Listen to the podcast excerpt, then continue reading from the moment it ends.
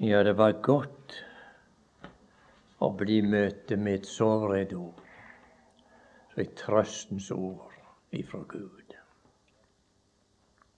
Si til de urolige hjerter. Hvem er det av oss ikke kjenner til et urolig hjerte?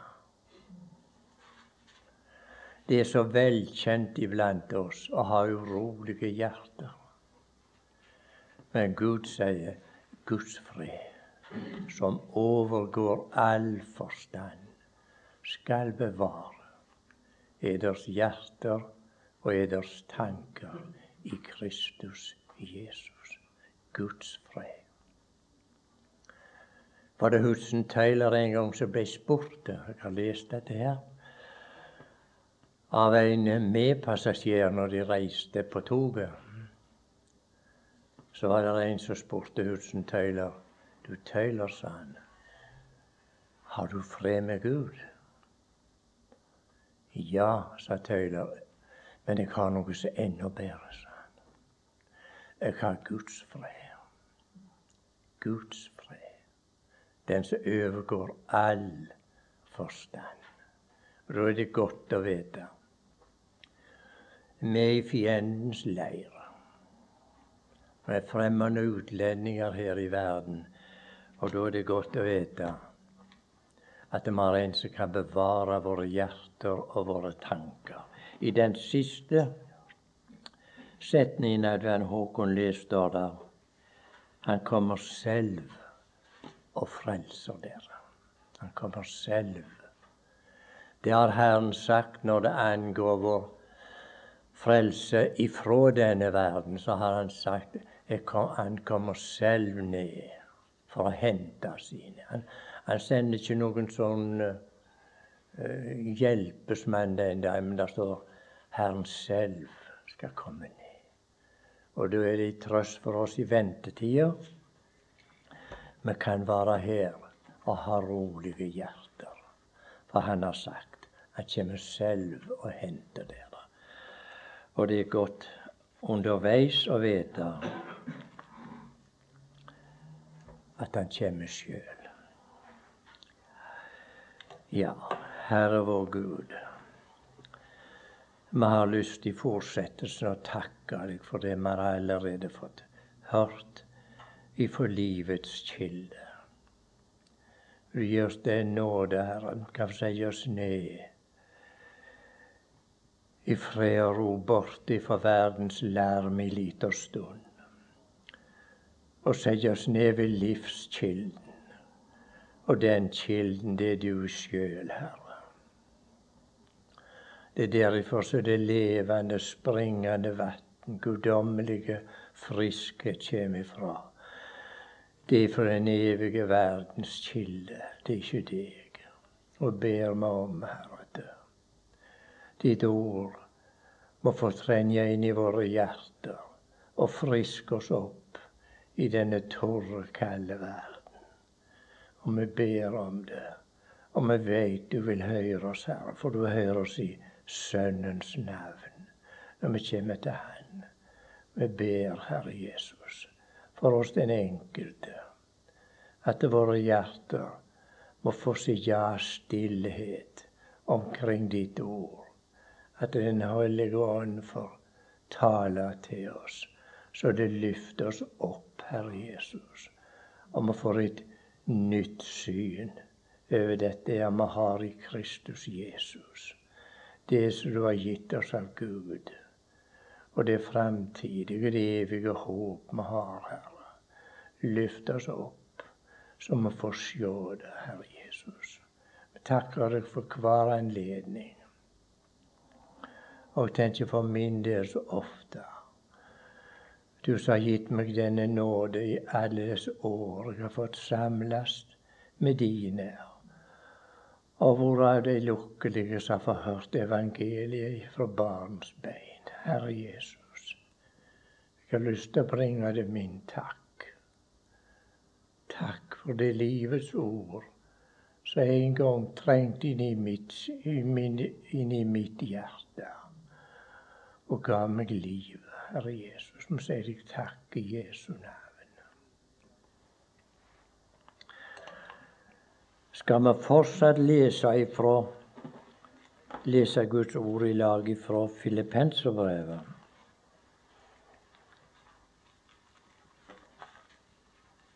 Ifra Filippenserbrevet og Skal vi se hva kapittel det Jo, i fjerde kapittel i Nei, i Galaterbrevet om forlatelse.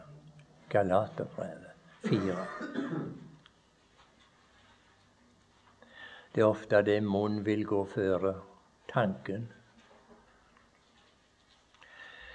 I Galaterne fire og vers Skal vi sjå da? Ja, vers fire òg.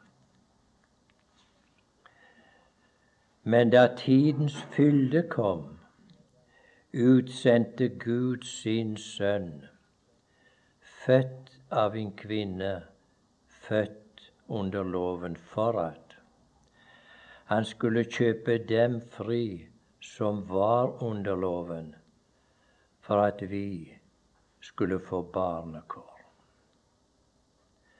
Og fordi I er sønner, har Gud sendt sin Sønns ånd i våre hjerter, som råper Abba, Fader.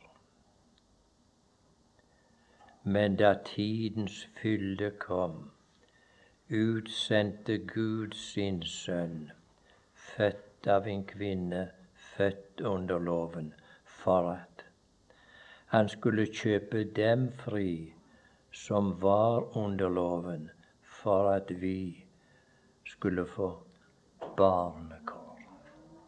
Da tidens fylle kom, kom Guds sønn. Hvorfor? For at Gud hadde i hensikt med å sende sin sønn til verden. Det var for å frelse syndere. Og så står det der Han var født av en kvinne, født under loven. Og her kan vi spørre hva slags lov er det der her er talt om. Er det Moselov?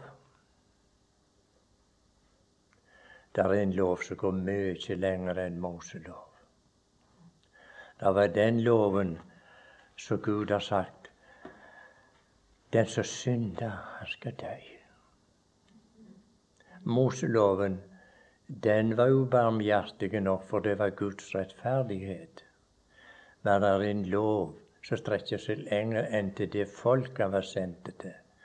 Det er en lov som gjelder for verden. Det var denne lov han var kommet for å kjøpe oss fri. Hedningene til liks med alle andre. Alle som hadde synda, står der. For, for der står det at det var syndens lønn, det er døden. Gud har aldri gått tilbake for det. Og det var derfor han måtte sende sin sønn. For at alle som var under denne loven, skulle bli kjøpte fri. For hvis det var bare Israel, så hadde vi vært fortapte. Det var ikke håp for oss da.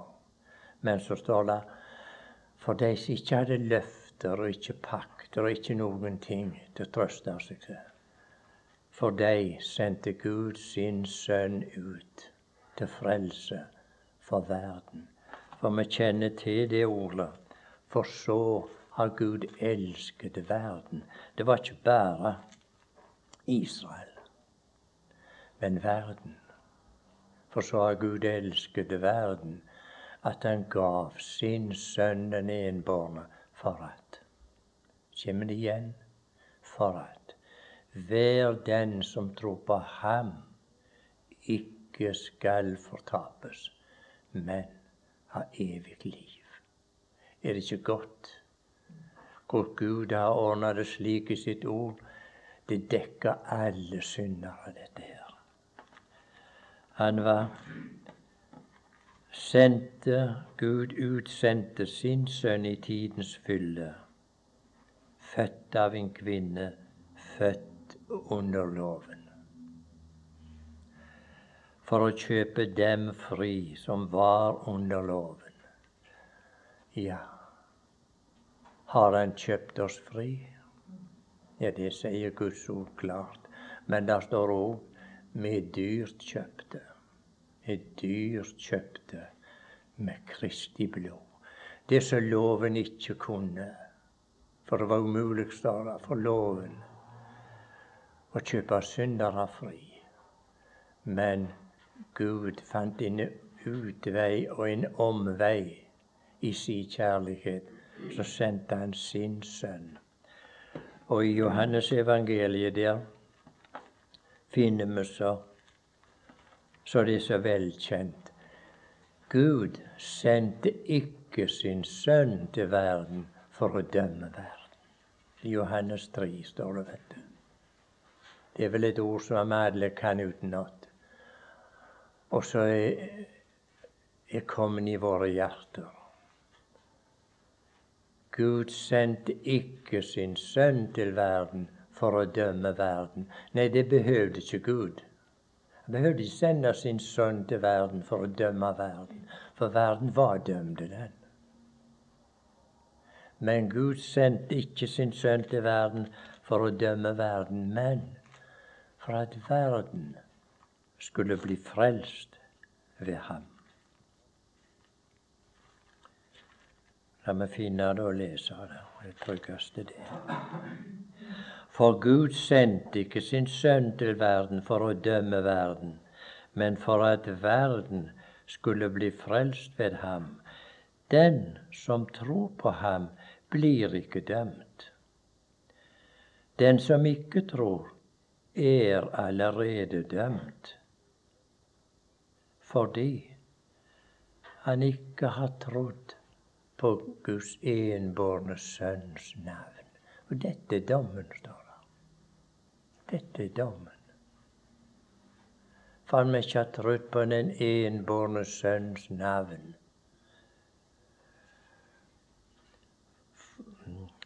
Og dette er dommen, ja. Lyset er kommet til verden, og menneskene elsket mørket fremfor lyset, for deres gjerninger var onde. Menneskene elsket mørket. Fremdeles er det slik. Ingen forandring. Menneskene elsker mørket framfor lyset fordi deres gjerninger var onde. Jeg tror jeg hørte det en gang av en mann. Det var, jeg tror ikke det var en troende mann en gang. Det var spørst hva et menneske var for noen ting. Så var det en som sa Nei, så var det en uttrykk som sa Jo da, et menneske, sa han, er kun hva han er i mørket. Ja. Du er bare det du er i mørket. Og vet, når det er mørkt, så er det så lett å ta ut hånda og ta noe, ikke sant? Når vi er i mørket. Et menneske sa han var ikke mer, eller det han var i mørket. Det var han. Og det sier Guds ord. Menneskene elsket mørket fremfor lyset. Men så har Gud sendt oss sin frelser, han som har lest om her, i tidens fylde. Sendte Gud sin sønn for å frelse verden. Og så står det da i verset lenger nede at La meg gå tilbake der til Filippenserbrevet kanskje igjen. Ja. I vers seks er det vel. Og fordi I er sønner, har Gud sendt sin Sønns ånd i våre hjerter. Han har ikke bare sendt sin sønn, men han har sendt sin Sønns ånd i våre hjerter, som skal holde oss våkne. Når, når Jesus trakk seg tilbake her fra verden, så sa han jeg skal sende dere en talsmann. Og han skal være hos eder evinnelig. Og det er han som bevarer oss på reise gjennom denne verden har sendt sin sønns, sendt sin sønns ånd i våre hjerter, som råper Abba, Fader. Det er godt for oss når vi har Guds ord, vi kan som kan trøste våre hjerter. La oss fremdeles holde oss i Johannes evangeliet. I det første kapittel.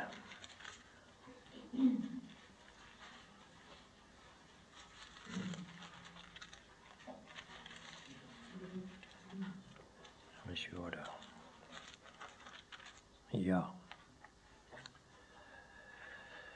Han sendte sin sønn, det har vi lest om, og han var sendt i syndig kjøts lignelse. For Gud kunne ikke komme her til uten å være ikledd kjøtt. Jeg tror jeg må fortelle det om igjen. Adam brukte je-je Adam, altså. Det er ikke den gamle Adam jeg tenker på. Noen av oss har hørt den mannen mange ganger, og som har forkynt evangeliet for oss. Han sa det på den måten. Hvis han der, der en sporvaflokk som samla, og hvis der kjem ei ørn han fykende, sa han, så fer sporven. Sporven tåler ikke ørna. De, de flyr for livet. Så sa han, hvis Gud i sin guddommelige person skulle komme her til verden, så betydde det døden for oss. Men Gud fant en utvei. Og så kledde han guddommen i kjøtt. I kjøtt. I syndig kjøtts lignelse. Og så kom han. Da kom han i, i menneskeflokken, og det var ingen som var redde da, for da var han like. Da kom det en spurv og satte seg i flokken. Så satt de, de var ikke redde, men kom ørna så frykta de. Gud kom. Der står han fornedra seg selv så han blir lydig til døden. Ja, korsets død. Og så sette den himmelske spurven, om vi kan bruke det uttrykket, iblant menneskene. Så kom han iblant menneskene, og så var evangeliet her. Derfor leser vi i første kapittel i Johannes evangeliet. Og ordet ble kjøtt. Det kan vi lese i lag. I Johannes evangeliet kapittel 1 og vers 14. Og ordet ble kjøtt og tok bolig iblant oss. Ligger så godt det uttrykket iblant oss. Det var ikke noe som hendte i en utkant av verden, men midt iblant oss hendte dette. Ordet ble kjød og tok bolig, i, bolig iblant oss, og vi så Hans herlighet. En herlighet som den en enbåren sønn har fra sin far, full av nåde og sannhet. Og nedfor et besøk verden fikk. Ordet ble kjøtt. Og så står det han kom. En enbåren sønn fra sin far. Han var fullasta av nåde og sannhet. Og så landa han her i verden. Dette Guds under som Gud sender oss. Full av nåde og sannhet. Han kom midt iblant oss. Vi leser videre. Johannes vitner om ham og, og roper. Det var denne om hvem jeg sa. Han som kommer etter meg, er kommet foran meg fordi han var før meg. Fordi han var før meg. For av hans fylde har vi alle fått, og det nåde over nåde. Hva slags fylde er det der som Jo, Gud har sagt det. Fylden av nåde og sannhet. Han som var fylte med nåde og sannhet. Av hans fylle, står det, har vi alle fått. Ikke bare de som var under Israels lov, men de som var under syndens lov. Av hans fylde har vi alle fått, og det nåde over nåde. Aldri var det kommet noe slikt noe til verden før. som dette. For nåden var ikke i verden før. Men nå er han kommet personlig. I den øvrige del av Guds ord var det Guds rettferdighet som rådde. Det var øye for øye og tann for tann. Men så kom den tid når Guds nåde ble åpenbart. Og den ble åpenbart ikke som en som i usynlige kraft, men som en person her i verden. Vi leser videre her i, i eh, vers 16, tenker jeg. Ja, for av, nåd, for av Hans fylde har vi alle fått, og det nåde over nåde. For loven ble gitt ved Moses. Ja. Nå er det noen som sier Moselov. Ja, ja, vi sier ikke noe galt for det, men det var ikke Moses som hadde skrevet loven så langt derifra. Her står det i Guds ord at han skrev Guds finger, står det, skrev på tavlene. Guds finger. Moses hadde ikke forfatta loven, men Gud sa til Moses Moses, her er tavlene. Gå ned til folket med dem. Loven kom ved Moses, den. Men så kommer det noe annet her. Loven ble gitt ved Moses. Nåden og sannheten kom ved Jesus Kristus. Nåden og sannheten kom ved Jesus Kristus. Det var en levende mann. det. Vi snakker om Guds nåde, og det, det er jo helt riktig. Men la oss ikke glemme at det er Guds nåde han er representert i en mann som gikk på to bein her i verden, akkurat som deg og meg. Han gikk her i, i noen og 30 år. Han var her bare for å tjene. Han forlot himmel og herlighet. Og kommer ikke da på det som står i Filippenserbrevet der. Han som da har vært i Guds skikkelse, ikke aktet det for et rov å være Gud lik, men av seg selv gav avkall på det. Tok en tjenerskikkelse på, tenk guddommen la av seg sin verdighet, kan vi si, for en liten stund. La av seg sin guddommelige eh, skikkelse. Og så kom han. Og da han var funnet som et menneske, står der, fornedret han seg selv, så han ble lydig til døden. Ja, korsets død. Kan vi tenke oss hva det hendte, hva det skjedde i himmelen i det øyeblikk når Sønnen la ned sin verdighet, kan vi si, eller plassen sin, kan vi si det sånn. Han la ikke til side sin verdighet, men han la til side sin væreform for en liten stund. Hebreabrevet sier det så klart. For en liten tid, sa han, ble han gjort ringere enn englene. For en liten tid. Det var ikke for alltid. Han har tatt den plassen tilbake, han, etter han kom og har gjort opp for synden. Så sa Gud, sett deg, min sønn. Sett deg, min sønn. Jeg får lagt alle dine fiender til skammel for dine føtter. Han har tatt plassen tilbake. Men han kunne fornedre seg. Tenk han hadde guddommelig skikkelse. Og så la han det til sides.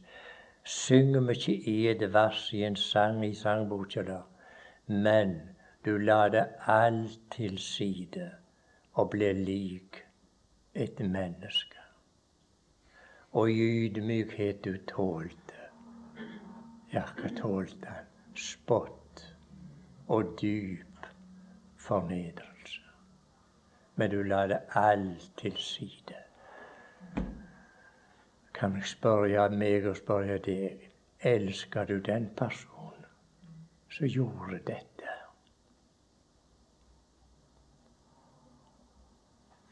Så kom han her til hån og spott.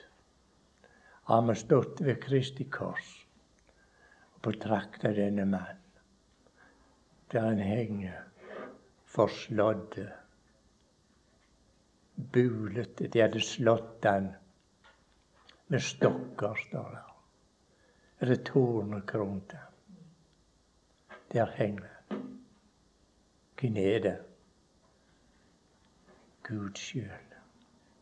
For her står Gud var i Kristus Jesus og forlikte verden med seg sjøl. Det var ingen mindre enn Gud sjøl som var på korset. La oss ikke glemme det. Det var rettferdigheten sjøl som lei. Men han utviste sin nåde nå. Det hadde han ikke gjort før.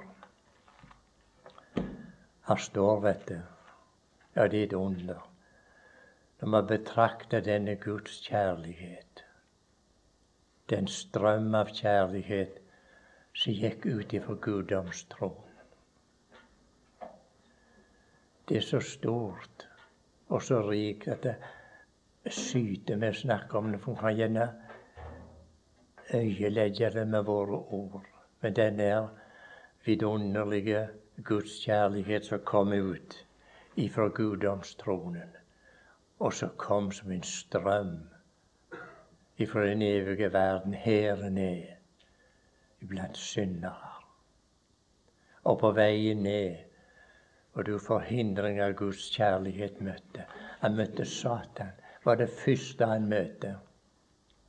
Når Gud ville gi verden en frelser, så sa Satan drep alle guttebarn. For i deg blant guttebarna, det var frelser. Så Satan drep alle guttebarn. Og han var ikke alene, han hadde mange hjelpesmenn og Satan. Det var de religiøse verden. De var skjønt enige med han må ikke komme, han. Men Guds kjærlighet, den brøt forbi alle hindringer. Han kom som et hav ifra guddomstronen ned til denne verden. Og han la alle hindringer bak seg. For denne guddommelige, kjærlige strøm, den hadde ei hensikt Han hadde ikke stoppa før han nådde korset. Det var Guds kjærlighet som oversvømte denne verden, som sa 'bort med han'. Bort med han. Vi vil ikke ha han. Men Guds nåde, den rokk fram til korset. Og der var Guds rettferdighet møtt opp. For Gud har alle slått av på sin rettferdighet. Den som synder, han skal dø. Og så kom nåden, og så sa han, nå er jeg kommet. Nå får du ta meg. Og så står det at Gud slo til. Det behaget Herren, står det, å knuse ham. Det behaget Herren å knuse ham. Her må man bare si at man må aldri tenke på å bruke vett og forstand på det. For det går aldri. Vi kan ikke fatte slikt noe. Det er en umulighet. Men Guds kjærlighet, den omfavner Guds rettferdighet. Det er ved Kristi kors. Følgen var Der hang en røver der, ikke sant, på sida. Hva gjorde Gud? Han omfavna røva. Og så sa han i dag skal du være med meg i paradis. Sånn gjorde Gud. Sånn gjør han fremdeles. Guds nåde åpenbart i Kristus Jesus. Burde det ikke stemme våre hjerter til lovsang Og vi kan synge yndig for Gud, står der i våre hjerter. Behøver ikke rope halleluja i hytt og vær. Slettes ikke nødvendig, for Gud ser til hjertene. Hva der er på hjertebunnen. Det er det som behager Gud. Han som kom for å helbrede sønderknuste hjerter. Der står det. Og ingen andre kan det. Å forbinde de smertefulle sår. Det var hans oppgave. Og du kommer sikkert på en dag når han helbreder ditt sønderknuste hjerte. Og når han forbandt dine, dine sviende sår. La oss vende oss til Lukas evangeliet. Der er en beretning der. Skal vi sjå.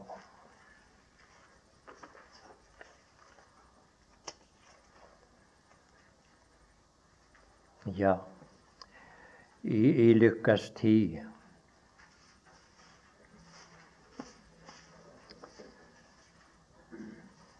I den beretningen finner vi Guds nåde i virksomhet. Den mann ser Guds nåde som kom her til verden og gikk omkring her. Her er han i aktivitet, bl.a. i denne beretningen. Vi finner i evangeliene stadig er han i virksomhet, denne mann. Var det noen blinde som ropte på han, så stoppet han var det noen spedalske som ropte på han. Jo, han stoppet. Var det noen som var besatt av vonde ånder? Jo, han stoppet. Hva slags mann er det? Jo, det er nåden. Det er nåden nå som er kommet ifra himmelen. Han har ikke vært her før i den tid. Tenk du og jeg får leve i den tid vi som lever i nådens tid i dag. Han stoppet en dag ved ditt og mitt rop, ikke sant? Han stoppa fremdeles. Og var det noen som hadde vanskeligheter, så stoppet han. Uansett. Hadde de ikke mat, så sa han ynkas over folket, sa han. Og så tok han oppi si hånd lite grann. Så velsignet han så det ble til tusener. Og så ble det mer igjen enn det var når de begynte. Er det ikke en underlig Gud vi har? Han heter Nåden. Guds nåde som er kommet her til verden. Skal vi lese noen vers der fra Lukas 10? Her så nåden i virksomhet. En mann gikk ned fra Jerusalem til Jeriko.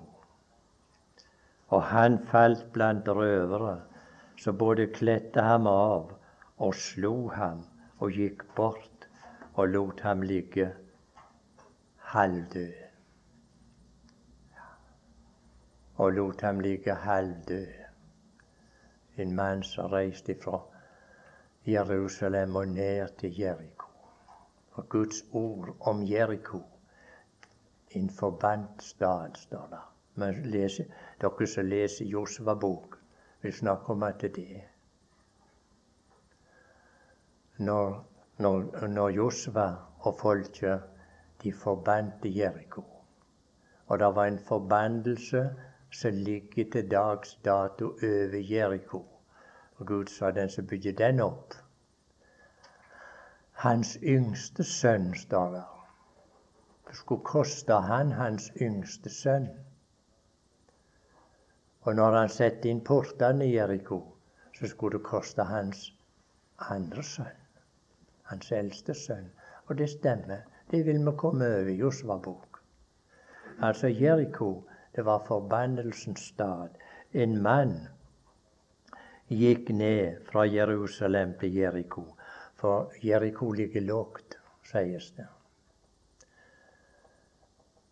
Den som vandrer den veien, han vandrer ned og ned inntil han kommer til dette her, til ulykkesstedet. En mann gikk ned fra Jerusalem til Jeriko, og han falt blant røvere, som både kledde ham av og slo ham, og gikk bort og lot ham ligge halvdød. Ikke bare i våre der, der er vold. Ordet vold før. For synda var vold i første omgang kom til verden. Mord. Det var to mennesker her i verden, ikke sant? Den ene morda den andre. Syndens natur er ikke forandra det plukk ifra synda kom inn. Men det er jo så mange flere som kan synde i våre dager. Verden er oversvømt av syndere. Men da var det to, og den ene slo den andre i hjel. Det er syndens natur, og den er uforanderlig. La oss lese videre om denne mannen. Han, han lå der halvdød, men det traff seg så at en prest drog samme vei ned. Det var ikke den vanlige veien for presten, det. Det traff seg så, står det, at en prest drog samme vei ned, og han så ham og gikk like forbi. Det var ikke mye hjelp å få der ifra presten. Han så, han så denne stakkaren, han. Men han gikk forbi. Så står det videre likeså en levitt, han kom til stedet, gikk frem og så ham og gikk forbi. Det ser ut til at levitten han gikk et steg fram, han var også sjå. Og hvis vi leser i i de femte Mosbok, da, 21, vi leser om levitten. Han skulle være folkets forsvarer. Han. han skulle være den skadelittes mann, står det om levitten. Men var han det her? Nei. Han så å berge sitt eget skinn, både presten og levitten. Så gikk de forbi. Fremdeles lå stakkaren der. Men så kommer det et nytt men. Men en samaritaner som var på reis. En samaritaner som var på reis. Her har vi et guddommelig forbilde. Det er jo Herren som taler dette her mens han er her i verden. En samaritaner som var på reis. Og vi vet en mann som er på reis, han har et bestemt oppgave. Det hadde denne mannen. Han var på reis. Hvorifra? Ifra det himmelske Jerusalem kom han. Det var hans utgangspunkt. Han var på reis for å finne nettopp sånne forkomne. For det var den himmelske kjærlighets åpenbarelse her i verden, sendt av Gud for å ta seg av disse forkomne. Du gleder ditt hjerte av dette når du tenker på hva Gud har gjort for oss. Hva Han har spandert på oss. Han gav oss sin enbårne sønn.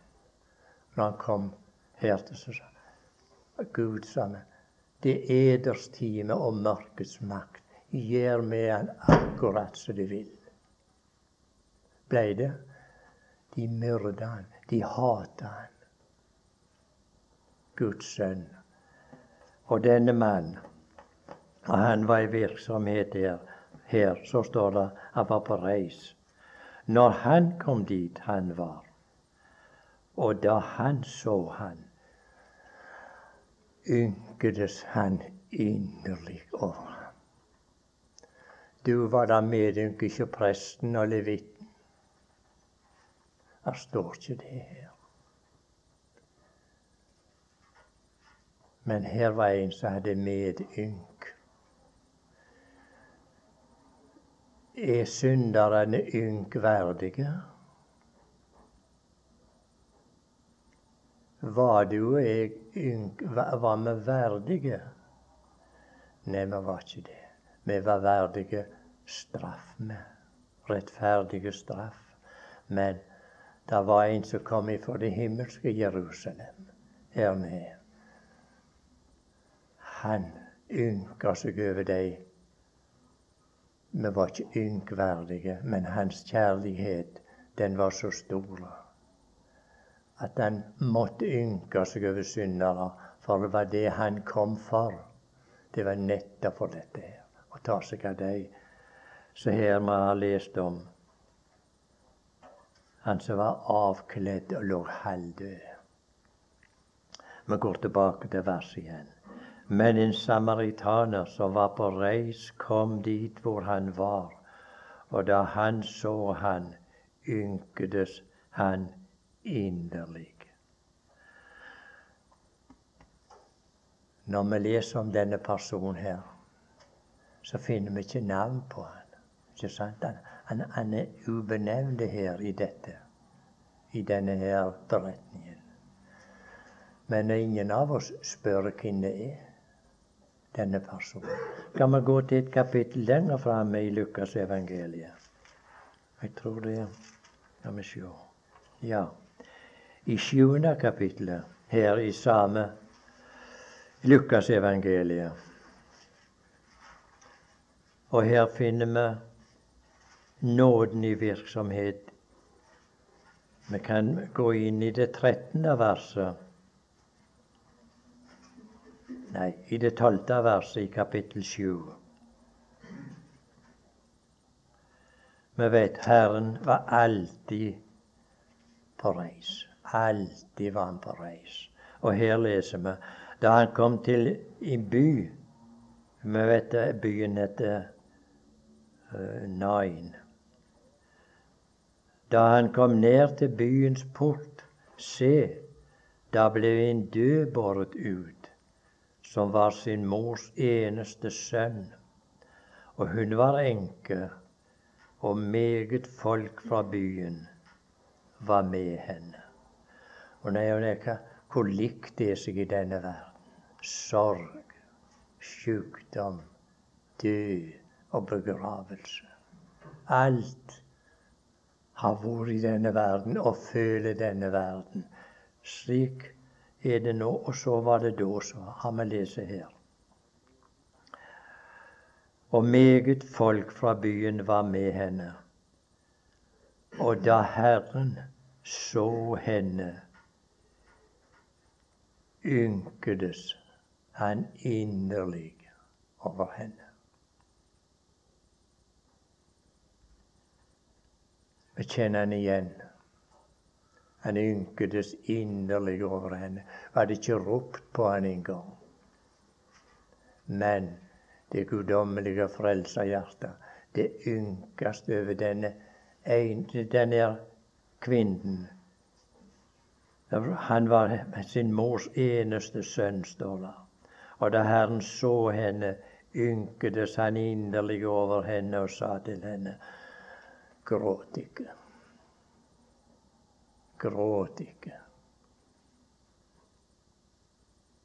Hva skjedde? Jo, nå var det nåden som var i virksomhet. Han kunne gjøre det som ingen andre kunne. Han kunne ikke bare stoppe gråten. Han skapte døden av veien. Her står det Han sa til kvinnen, gråt ikke. Og han trådte til og rørte ved båren. Og de som bar den, sto stille, og så sa han, Du unge mann, jeg sier deg, stå opp.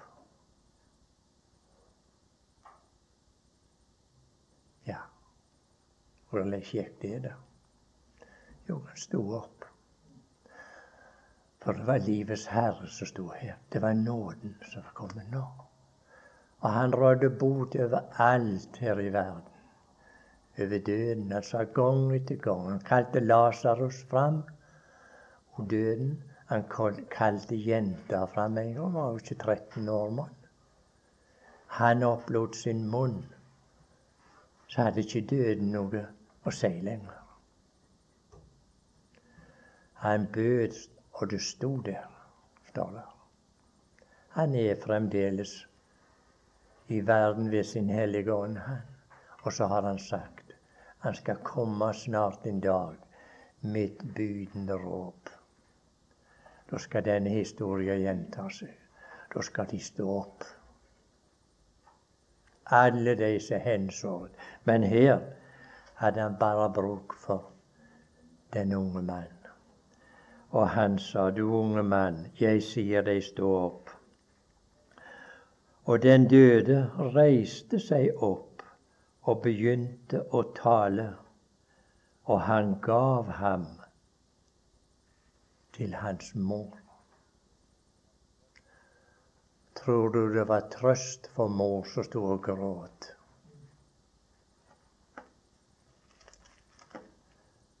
Når Herren sa, 'Er gutten din'? All trøst Gud. Han brøt gjennom alt det der. Denne guddommelige strøm ifra himmelen som hadde sin adresse til Golgata. Og det, det var bare hindringer i veien, men Gud la det alt flatt, det der. Og så kom han. Og her har vi funnet han i, i virksomhet. Skal vi gå tilbake her til kapittel 10 igjen og fortsette et par vers til der om denne samaritan. Men en samaritan som var på reis, han kom dit hvor han var. Og det som er det forunderlige med denne samaritan som var på reis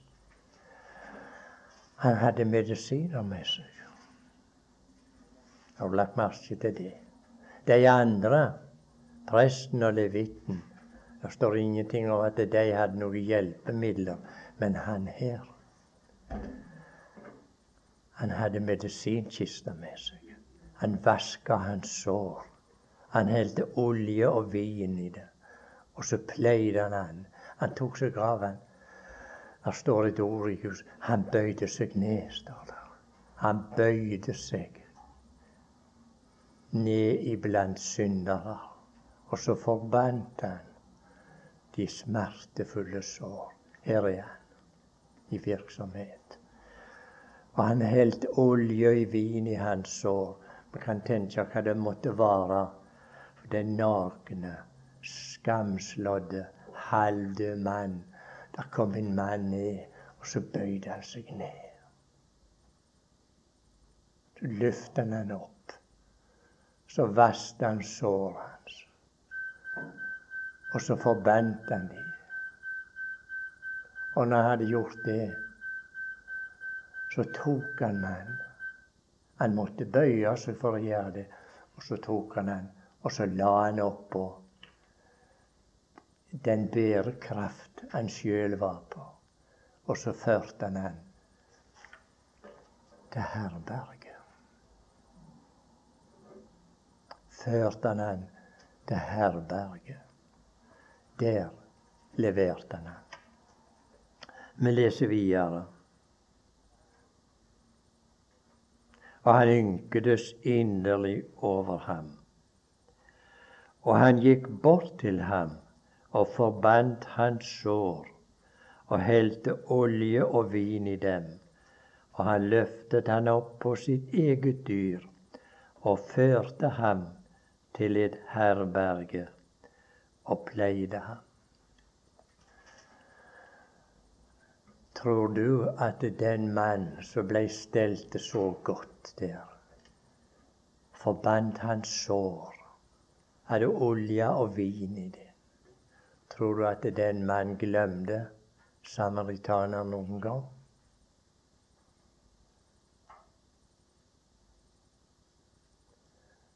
Nei, kan du glemme han? Han som bødde seg ned til deg og forbandt dine smertefulle sår, så må jeg spørre mitt hjerte kan du glemme Han? Og langt. Hvem kan glemme Han som bøyde seg ned ved Golgata kors og tok opp syndere. Og så fremdeles er her i verden i dag og bøyer seg ned ved Den hellige ånds hjelp.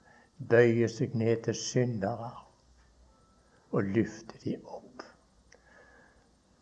Den mannen, han har lov til å komme igjen, han. Han som bøyde seg ned. Der står Herren selv skal komme ned. Var det han, han Håkon minte våre hjerter om i dag. Det var han selv. Han som bøyde seg ned, han skal komme. Skal vi lese et vers til der, da? Der som vi har vært. Og han førte ham til et herberge og pleide ham.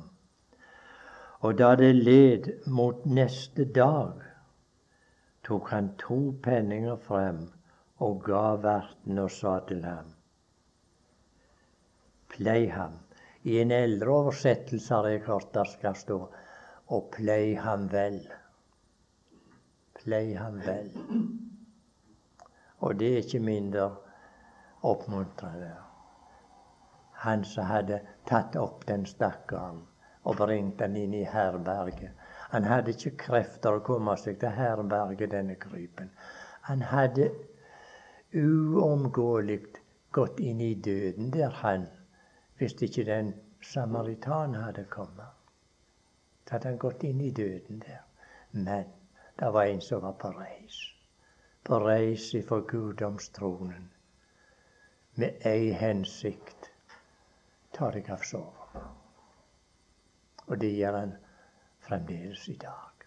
Bøyer seg ned til syndere og løfter de opp. Og så fører han de til herberget. Og så har han oss i herberget ei lita stund. For det heter det er bare så kort en tid. Så Hva så da? Jo, så kommer han. Han som bringte pasienten inn på herberget. En liten stund, da, så kommer han. Og da han, og det led mot neste dag, tok han to penger frem, penninger frem og ga verten og sa til ham, plei ham. Og hva mer du måtte koste på ham, det skal jeg betale deg igjen når jeg kommer tilbake. Når jeg kommer tilbake.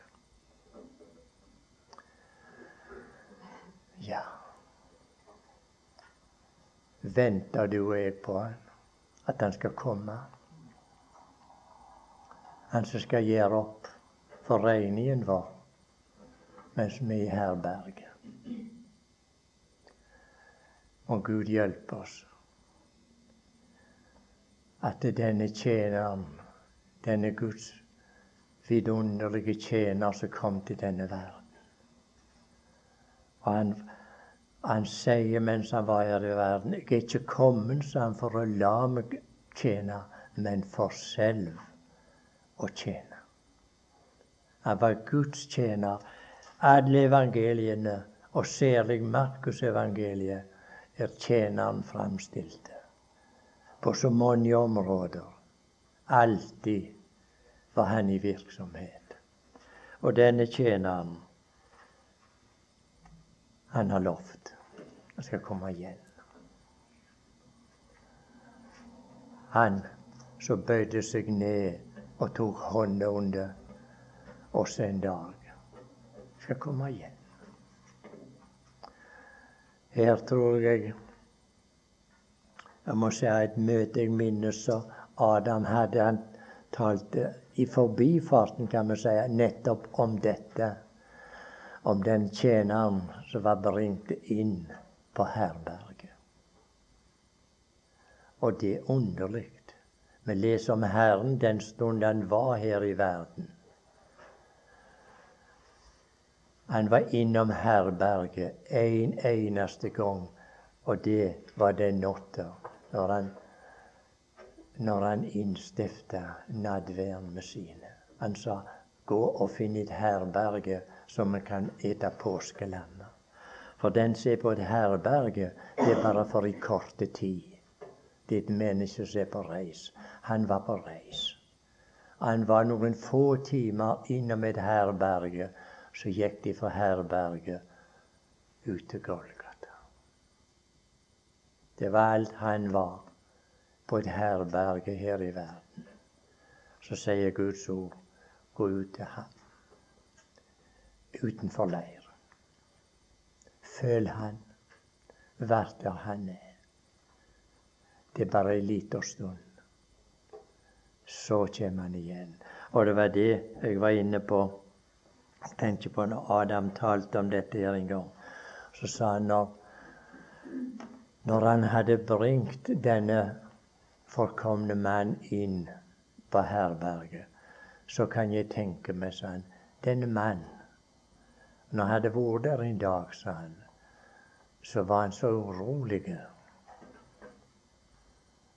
Han gikk, sa han, bort til vinduet, sa han, flere ganger til dagen, og så så han ut. Og så hadde verten der på herberget lagt merke til Han la merke til denne mannen, sa han, så var der. Han var så urolig. Gang til gang så gikk han bort, og så så han ut vinduet. Så spurte verten hva du og ser etter, hva du er så urolig for. Jeg ser etter han, sa han. Så lovte han skulle komme igjen. Og så skulle betale regningen min. Ja. Hvordan er det med deg og meg i åndelig forstand, selvfølgelig? Går vi bort til glasset av og til om dagen? Kanskje det er nokså mye dogg på glasset som har lagt seg på. Har vi tort det vekk? for å se ut om han kommer snart. Han som brakte oss inn. Er vi urolige på det området? Vi skal ikke ha urolige hjerter for det at han ikke kommer. Vi har lytta til det i dag. og Kan alle de som har et urolig hjerte kan vente på han. Men la det nå gå til deg og meg personlig, dette her i Guds ord. Er vi såpass, kan vi si, åndelig vakne vi går bort til glasset om dagen, så ser ut Mon han kommer i dag. Han som skal gjøre opp for oss. Og når han kommer, så sier Guds ord jeg går bort, sa han, for å berede eder sted. Og når jeg er gått bort og har beredt eder sted, så kommer jeg igjen for å ta eder til meg, for at I skal være der jeg er. Det er den barmhjertige samaritans ønske. Du som er så forslått og forkommen.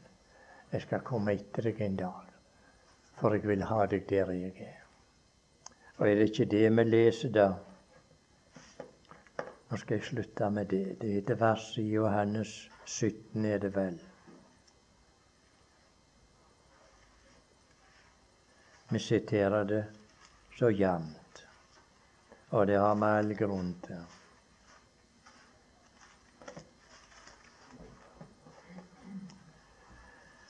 Ja. Og her er det nåden som taler igjen. Og her sier han, Fader, jeg vil at hvor jeg er, der skal også de som du har gitt meg, være hos meg, for at de skal se min herlighet, som du har gitt meg, fordi du har elsket meg før verdens grunnvoll ble lagt. Jeg vil at hvor jeg er, der skal også de være som du har gitt meg, for at de skal se min herlighet. Han har noe å vise oss. Det er sin herlighet. Og Guds ord sier når Han åpenbares. Ja, ikke før. Når Han åpenbares, da skal òg vi åpenbares med Ham i herlighet. I herlighet. Er det noe for våre hjerter, dette her? Men vi må vente. Det er bare så kort en tid. Men når Han kommer, så skal vi åpenbares med Ham i herlighet. For Gud har frelst oss, ikke sant, ifra syndens straff og ifra syndens kraft. Men det er ett ledd igjen i Guds frelse som står tilbake. Og det han skal frelse oss ifra syndens nærværelse. Der er vi i dag. Og Guds frelse, den omfatter ditt og mitt legeme. Må vi aldri glemme det når vi går her og tror at legemet er vårt. Nei, det hører Herren til, det. Men der skal en åpenbarelse til, for vår frelse er komplett. Og det beror på når Han kommer. Når det bydende råp kommer. Og da er det så godt det gjelder ikke bare oss, men da gjelder det støvet av de som har gått før kommer de opp. Lyslevende, herliggjorte, udødelige. Og nei, den døden hva han har tatt her i verden. Og hvor ubarmhjertig han har vært. Der er grav. Du kan gå bort, du kan gråte deg til døde. Grave tause. Men det kommer en dag når det bydende råp kommer, Da står det Da går det i oppfyllelse. Død, hvor er din brodd? Grav, hvor er din seier? Du død som var så barmhjertige. Du tok fra oss det kjæreste vi hadde. Prøv deg nå. For livet står der. Og da er det ikke noe død lenger. Og så kan vi si at det graver, grav. Hvor er seieren din? Du som var så seiersrik her. Du la den ene i grav og den andre i grav. Og tårene rann, og renner fremdeles. Han som talte der i naien, han sa gråt ikke. For han som er inne i døden, du skal få han igjen. Bror og søster, nåden er her i dag. Og nåden er på tronen i dag. Er det ikke godt? Det var ikke bare han åpenbarte seg her i verden som nåden, men vi finner den igjen her i Guds ord.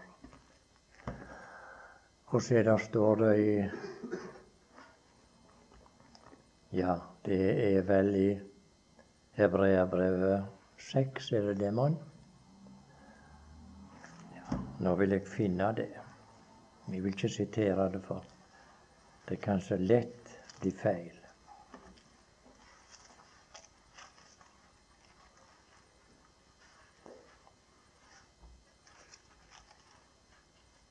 Ja, det er i Hebreerne 4. Og det er så velkjent. Ettersom vi da har en stor ypperste prest som er gått gjennom, for, gjennom himlene, Jesus, Guds sønn, så la oss holde fast ved bekjennelsen. For vi har ikke en ypperste prest som ikke kan ha medynk med våre skrøpeligheter. Her kommer ordet igjen medynk. I Israel hadde de en prest. Han kunne ikke ha medynk med andre, for han kunne ikke ha medynk med seg sjøl engang. Døden kom og så tok han. Men her er én som var inne i døden, og så kom han igjen. Og så står det om han. Han som kjenner med skrøpelighet. Han kan ha medynk med våre skrøpeligheter. Men en sådan som er blitt prøvd i alt i likhet med oss, dog uten synd, la oss derfor Å nei, for et ord. La oss derfor tre frem med frimodighet for nådens trone. Hva skal vi der, da? Hva står det her? La oss derfor trede frem med frimodighet for nådens trone, for at vi kan få miskunn og finne nåde til hjelp i rette tid. I rette tid. Ingen kommer på ei gal tid der. Vi finner nåde til hjelp i rette tid. Og hvordan er det Peter uttrykker seg da? i sitt første brev. Tror jeg skal prøve å sitere det. Ja. Nei, la meg ikke gjøre det, da. Dermed skal jeg være ferdig. Jeg tror det er første brevet til Peter.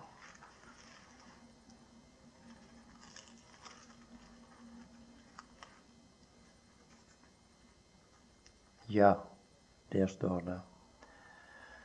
Sett eders håp fullt og fast til den nåde som blir eder til del i Jesu Kristi åpenbarelse. Sett eders håp fullt og fast til den nåde, ikke så er blitt oss til del, men som blir oss til del i Jesu Kristi åpenbarelse når forløsningen kommer. Når, når død, det dødelige legeme skal rykkes opp herifra, hvis vi er i live. Sett eders håp, sier apostelen, fullt og fast til den nåde som blir eder til del i Jesu Kristi åpenbarelse.